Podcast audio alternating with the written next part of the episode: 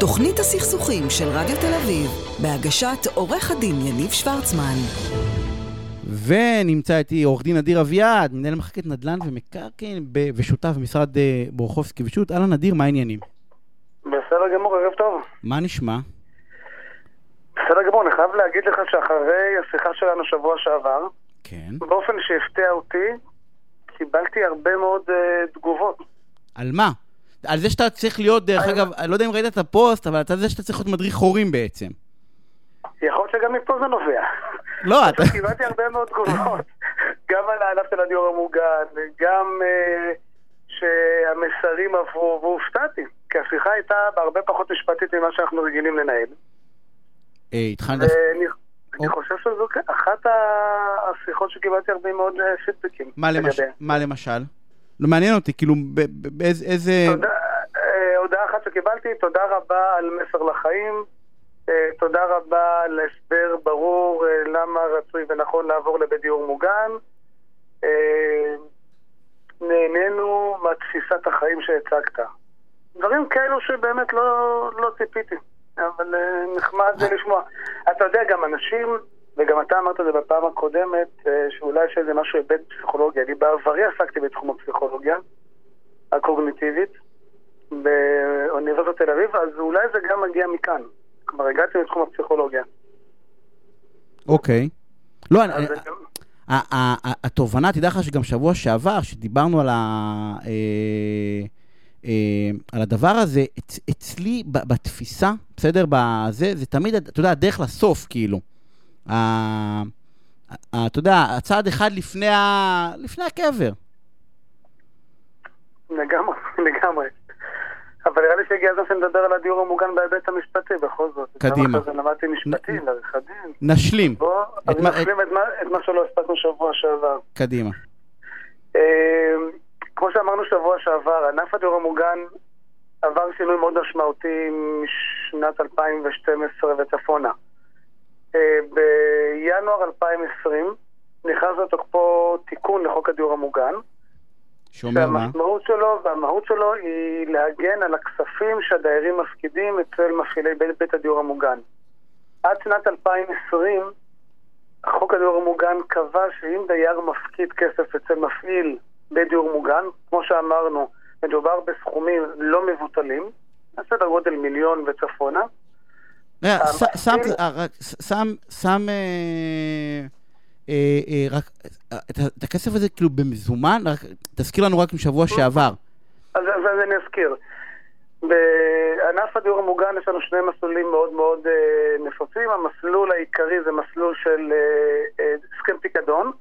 הדייר, כשהוא נכנס, מפקיד פיקדון כספי אצל המפעיל, שבדרך כלל הוא בסכום של מיליון וצפונה בדרך כלל, ובנוסף משלם גם דמי החזקה חודשיים. המפעיל מנקה מהפיקדון הכספי שהופקד כל שנה אחוז מסוים, ובסוף התקופה, או כשהדייר נפטר, או כשהוא עוזב את בית, את בית הדיור המוגן, הוא זכאי לקבל חזרה את יתרת כספי הפיקדון, אם נותרה לו יתרה כזו. אוקיי? כי, כי זה יורד. הוא או היורשים שלו. בדרך כלל. בדרך כלל, אתה יודע. לא עוזבים למקום, כאילו, זה one way ticket, העניין הזה. המסלול השני שהוא גם אה, נפוץ אבל פחות זה פשוט הסכם אה, כמעין אה, שכירות. האדם משלם דמי החזקה חודשיים בשיעור יותר גבוה מאשר אם הוא היה מפקיד פיקדון, אבל הוא לא אמור להפקיד פיקדון. עכשיו נוצר נ- נדיר, כמה אנחנו מדברים? סתם על- עשרות אלפי, כמה אנחנו מדברים? כאילו, אתה- אני לא, אין לי מושג, אתה- מכיר כי אתה מייצג, מעניין אותי. אנחנו מדברים על... אה, 20,000 בכל ענף שקל? סתם, תן ממוצע כזה, ממוצע, היום- 20, היום- 30, כאילו... דמי- החזקה היום יותר נמוכים כי יש תחרות מאוד אה, ענפה וגדולה. היום אה, דמי החזקה סביב פחות או יותר ממוצע בין אה, 7,000 ל-15,000 שקל, תלוי באיזה בית, במיקום, בפעילויות שיש, זה מאוד תלוי. באיזו יחידה ספציפית, זו יחידה של 40 מטר, 60 מטר, 80 מטר. אוקיי, אבל זה בסדר, זה לא כמו של פעם, שזה היה ממש לעשיר, כאילו לעשירים. פעם נכון, זה היה לעשירים, בעבר- אתה בגלל נכון, זה, בעבר בגלל זה יש את, הפער הזה, לפחות גם אצלי, את הפער התפיסתי. אתה יודע שזה לע- לעשירים. אז איך היום שומרים... זה הרבה יותר נגיש. איך שומרים לי על הכסף? איך שומרים על הכסף? המחוקק הבין אה, שהוא חייב לחייב את המפעילים לתת בטוחה לדיירים שהפקידו פיקדון כספי. החוק קבע שיש מספר אה, בטוחות, משכנתה, ערבות בנקאית וכולי, והעלות להנפקת הבטוחה חלה על הדייר. 80% ממנה הייתה חלה על הדייר. לכן מה שקרה בפועל, שדיירים לא היו מקבלים או לא מבקשים את הבטוחה, למעשה היו מוותרים עליה, כי המחוקק נתן אפשרות לוותר על בטוחה, מכיוון ש-80% מהעלות הייתה מתגלגלת עליהם. לכן אמרו, למה אני צריך את זה? מספיק אני משלם פיקדון, מספיק אני נכון. משלם החזקה, עכשיו נכון. 80% מערבות בנקאית, עזוב אותי, סומך עליך. כבר עשרות שנים בתי דיור מוגן פועלים, ורובם במצב כלכלי טוב, אפילו טוב מאוד.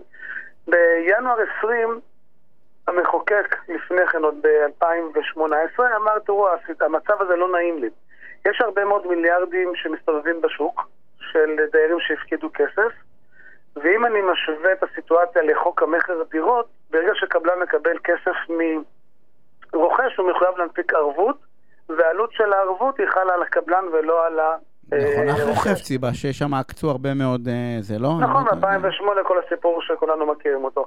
לכן ב-2018 התקבל חוק, תיקון לחוק למעשה, שקבע שיותר דייר לא יכול לוותר לקבל בטוחה, אין כזה דבר, הוא חייב לקבל בטוחה, אין לו את האפשרות, והמפעיל צריך לרשום לטובת הדייר משכנתה מדרגה ראשונה, זו אופציה אחת שהיא... ה- על מה? נ- על הזכויות, על הזכויות של המפעיל ביחידת הדיור, אם הבית רשום כבית משותף, כלומר יש לנו תתי חלקות, או על כלל הבית לטובת נאמן. הבנתי? אוקיי.